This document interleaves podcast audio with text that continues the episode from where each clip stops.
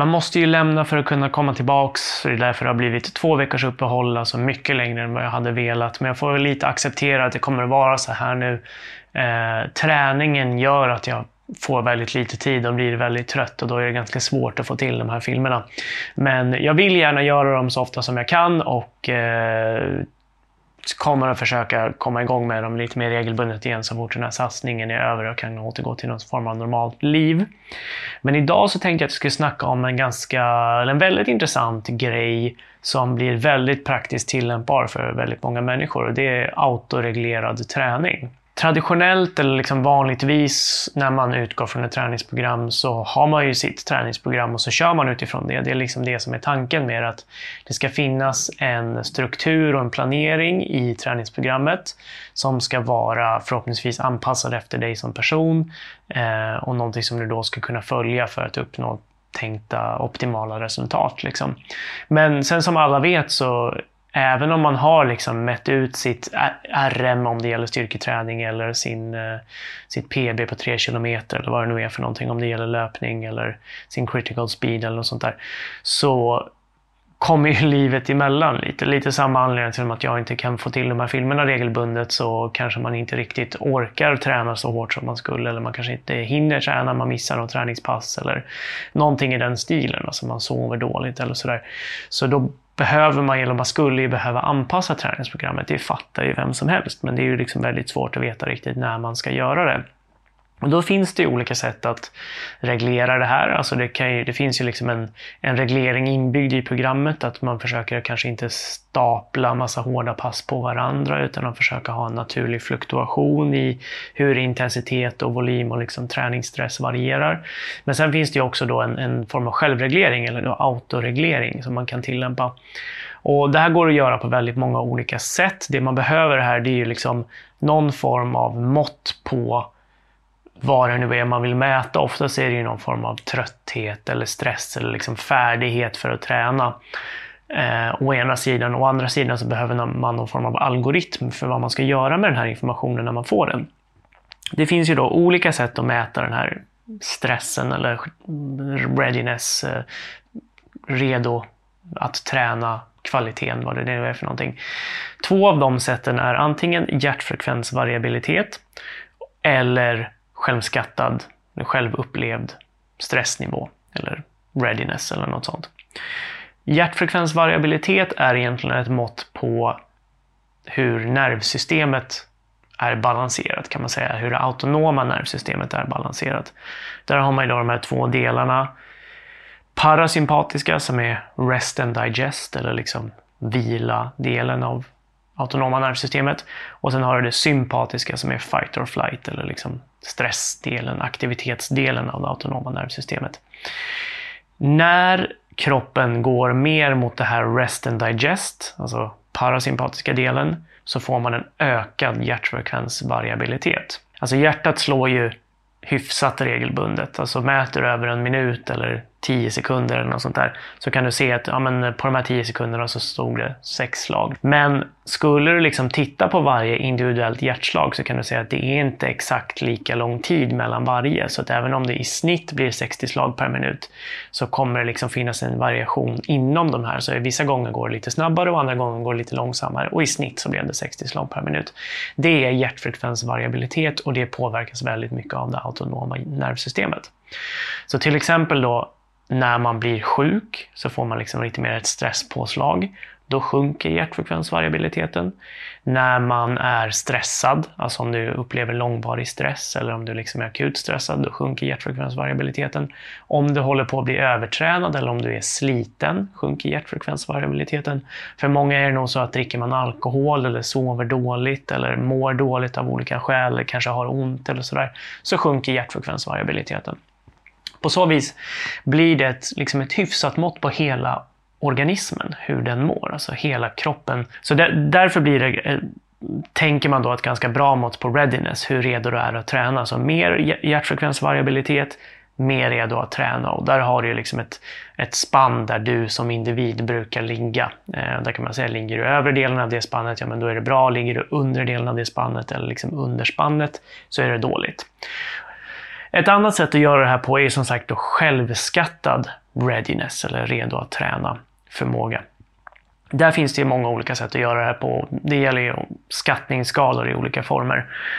Eh, en av dem är POMS, Profile of Mood State, som ofta används. Ett annat är DALDA, som står för Daily Activities Living in blah, Athletes, någonting i den stilen. Någon akronym.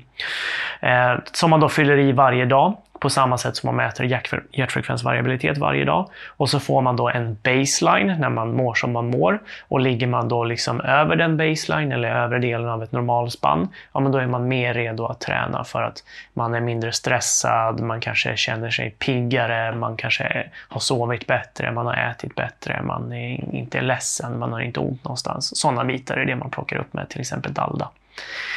Så båda de här sakerna blir då på så vis liksom bra sätt att mäta hela organismen, hur man mår fysiskt och psykiskt. När man då ska sedan göra någonting med den här informationen behöver man som sagt en algoritm. Alltså, låt säga nu att du helt plötsligt får ett dåligt score på din hjärtfrekvensvariabilitet eller på din självskattning. Vad ska du göra med det? Det finns ju liksom massvis med olika sätt att tillämpa det här på. Du kan ju helt vaska ditt pass, alltså helt vila. Du kan byta ut ett högintensivt pass mot ett medel eller lågintensivt pass. Eh, du kan korta ner passet. Du kan skjuta upp passet till en senare dag massa olika saker. Det viktiga som man ska ha klart för sig om man faktiskt ska försöka använda det här systematiskt är att man troligen redan innan man börjar fatta beslut ska ha klart för sig vilken typ av beslut man ska fatta beroende på vilken signal man får. Så att man inte bara hipp som happ säger så här, ja men då skiter jag i att träna idag eller något sånt där. Utan att man tänker så här, ja men om jag får en, en dålig score då ska jag strunta i intervallpasset om det var det som planerat och istället bara köra måttligt intensivt. Och hade jag tänkt köra måttligt intensivt, ja men då kör jag lätt istället. Lite så. Det här har man testat i en studie där man då hade jämfört antingen då att träna på helt utan sånt här, alltså inte bry sig om autoreglering överhuvudtaget, eller använda sig av hjärtfrekvensvariabilitet, dagligen mätt då, eller använda sig av Dalda som är ett ganska saftigt eh, frågebatteri som man fyller i varje dag. Och algoritmen här var att om det var så att du skulle köra intervaller men du fick ett dåligt score och det är då lägre hjärtfrekvensvariabilitet eller fler dåliga skattningar på Dalda så byter du ut det mot ett måttligt intensivt pass istället. Och så gjorde man det här då i fem veckor, tre dagar i veckan och då hade man då en programmering som var så att varannan vecka så körde man två måttligt intensiva pass och ett högintensivt. Och varannan vecka körde man två högintensiva pass och ett måttligt intensivt pass. Det var 12 löpare i varje grupp och de var ganska, inte jättesnabba. Det var män och de sprang 5 kilometer på runt 25-26 minuter om jag inte missminner mig, vilket är det, det är att ta sig runt men det är inte, det är inte fort liksom, så man vet status på de här personerna. Man kan väl säga så här att de hade blivit bättre oavsett hur de hade gjort. Och det var också det man såg, att gruppen som tränade utan att ha någon form av autoreglering, de blev bättre. Jag tror att de kapade typ två minuter på sin tid på fem kilometer eller någonting i den stilen. Eh, men det man också såg var att grupperna som autoreglerade förbättrade sig mer. Och framförallt så såg man att gruppen som autoreglerade med hjälp av självskattning regler, eller förbättrade sig bäst, mest. Och det var en ganska stor skillnad där. Och grejen var ju så här då att alla grupperna gjorde alla skattningarna. Alltså man mätte hjärtfrekvensvariabilitet varje morgon med hjälp av en polarklocka. Och man gjorde det här DALDA-formuläret varje morgon. Det var bara det att det var en av grupperna som autoreglerade utifrån hjärtfrekvensvariabilitet. Den andra gruppen autoreglerade utifrån DALDA. Den tredje gruppen autoreglerade inte alls men fyllde ändå i allt det här och gjorde alla testningarna. Och det man såg då mot slutet var att båda grupperna som autoreglerade förbättrade sig mer men gruppen som körde självskattningen förbättrade sig mest. Det går ju att tolka det här resultatet som att hjärtfrekvensvariabilitet är underlägset men jag tycker att man kan i alla fall fundera lite på om det är riktigt rätt tolkning därför att det går ju väldigt fort att mäta hjärtfrekvensvariabilitet. Alltså har man en, en eh, sån här, då jag har en polarklocka, då gör den det automatiskt åt dig. Tidigare så var det så att man var tvungen att ha ett riktigt pulsband på sig och man var tvungen att göra det här standardiserat. Nu tror jag att de gjorde det i den här studien också, men i princip så behöver man inte göra det standardiserat numera. Vilket ju är bra om man lever ett liv som jag till exempel, där det, liksom, det, det, finns ingen standard för hur det livet ser ut. Utan jag kan inte sitta ner i två minuter på morgonen innan jag går upp eh, och liksom ha tömt blåsan innan och allt sånt här. Utan det blir som det blir. Och då får man liksom lite mer stökiga mätningar, men man får ändå mätningar varje dag. Och för de flesta människorna så tror jag att det blir det som är hållbart i slutändan, att man faktiskt ska kunna bara få en mätning och sen ha med sig att okej, okay, den blir lite mer stökig än, stökig än om jag hade standardiserat det här ordentligt, men det är bättre än ingenting. Så det får man med hjärtfrekvensvariabilitet. Med Dalda så, som sagt är ett ganska omfattande formulär, då måste man ändå fylla i det varje dag kanske, ja, fem veckor hade man kanske kunnat göra det medan man är med i en studie, men sen så blir det lite, kanske lite tröttsamt att hålla på med det. Så även om det skulle vara bättre så är det nog så att man får fundera på hur mycket värt är det att göra det i förhållande till att eh, bara ta hjärtfrekvensvariabilitet till exempel. Min gissning är att båda de här tillsammans är bäst och det är också det författarna kommer fram till därför att som sagt, jag mäter min hjärtfrekvensvariabilitet varje dag och jag kan ju se att den, den varierar ju tydligt. Liksom, att dagen efter jag har kört hårt så är den mycket sämre. Om jag har druckit eller av annan anledning sovit sämre eller gått och lagt mig senare eller är sjuk eller sådär, så är den sämre. Så den plockar upp alla de här sakerna, men det gör jag också. Alltså jag känner det i benen. Jag vet att jag har tränat hårt, jag vet att jag har sovit dåligt, jag vet att jag är lite bakfull, jag vet att jag är lite sjuk. Så att alla de här delarna märker jag av själv. Och det är väl lite så att när man då systematiskt skattar hur man mår, hur man har tränat, hur ens ben mår, hur man har ätit, hur man har sovit, sånt där. Plus får den här hjärtfrekvensvariabiliteten. Då blir det lite mer kanske som ett sätt att lära känna kroppen. Så att efter ett tag så tror jag faktiskt inte ens man behöver någon av de här skattningarna utan man kan liksom utgå från sin känsla och, och, och den här tidigare banken av hur det korrelerar med hur kroppen faktiskt mår. Då. Sen var det lite så här i den här studien att man såg egentligen ingen skillnad i hur hårt eller hur mycket de tränade. De gjorde lika många intervallpass allihopa. Eh, och de hade lika mycket träningsstress allihopa. Och det hade man eh, skattat med hjälp av Session RPE som jag pratat om tidigare. Alltså att i slutet av varje pass så fick eh, varje person sätta en siffra på hela passet och så multiplicerade man det med antalet minuter och då får man liksom en träningsstress för det passet och så kan man summera det per vecka och på hela den här fem perioden. Och man såg ingen skillnad där eh, mellan de här grupperna. Så då undrar jag lite, men vad, vad var det som var skillnaden då att, att den här eh, självskattningsgruppen blev så mycket bättre eller att någon av autoregleringsgrupperna blev bättre än den här, det här färdiga programmet gruppen och då måste det ju vara så att man har gjort passen på olika dagar fast alla har gjort samma pass. Liksom. Och det skulle ju kunna vara mer optimalt för att det är inte så att man ska vaska pass bara för att man är sliten utan ibland är det bättre att bara flytta om och säga att Nej, men, det var tänkt att jag skulle köra intervallerna på onsdag, men då blev det ett måttligt pass på onsdagen och så blev det intervallerna på fredag när jag annars skulle ha kört ett måttligt pass.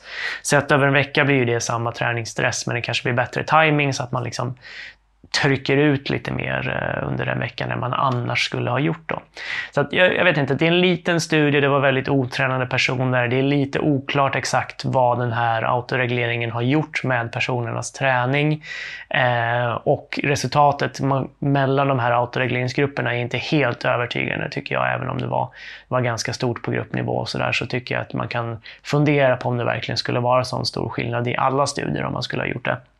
Men det, det det säger som är intressant tycker jag är att autoreglering är bra så länge man vet hur man gör det och så länge man tillämpar det konsekvent med, med någon vettig algoritm så tror jag att det är bättre än att bara träna på helt förutbestämt. Och det tror jag att alla som har försökt följa ett program eh, fattar att ibland så behöver man justera och då kanske det är bättre att ha en modell för att ändå försöka bibehålla träningsvolymen. Försöka göra alla set över en vecka, även om det kanske inte blir på de dagarna man har sagt tidigare. Så det var det hela. Som sagt ska jag försöka återkomma lite mer tätt, men det kommer troligen inte bli så innan eh, slutet av maj. Jag håller ju också på med min eh, bok som snart är klar, som jag kommer att liksom hålla upp här och visa upp. Eh, förhoppningsvis inom kort, så det tar också väldigt mycket tid och energi. Så både jag och ni får väl leva med att det blir lite mer sällan här, men det tror jag nog ändå att vi klarar av. Det var allt för idag. Vi ses och hörs när vi gör det.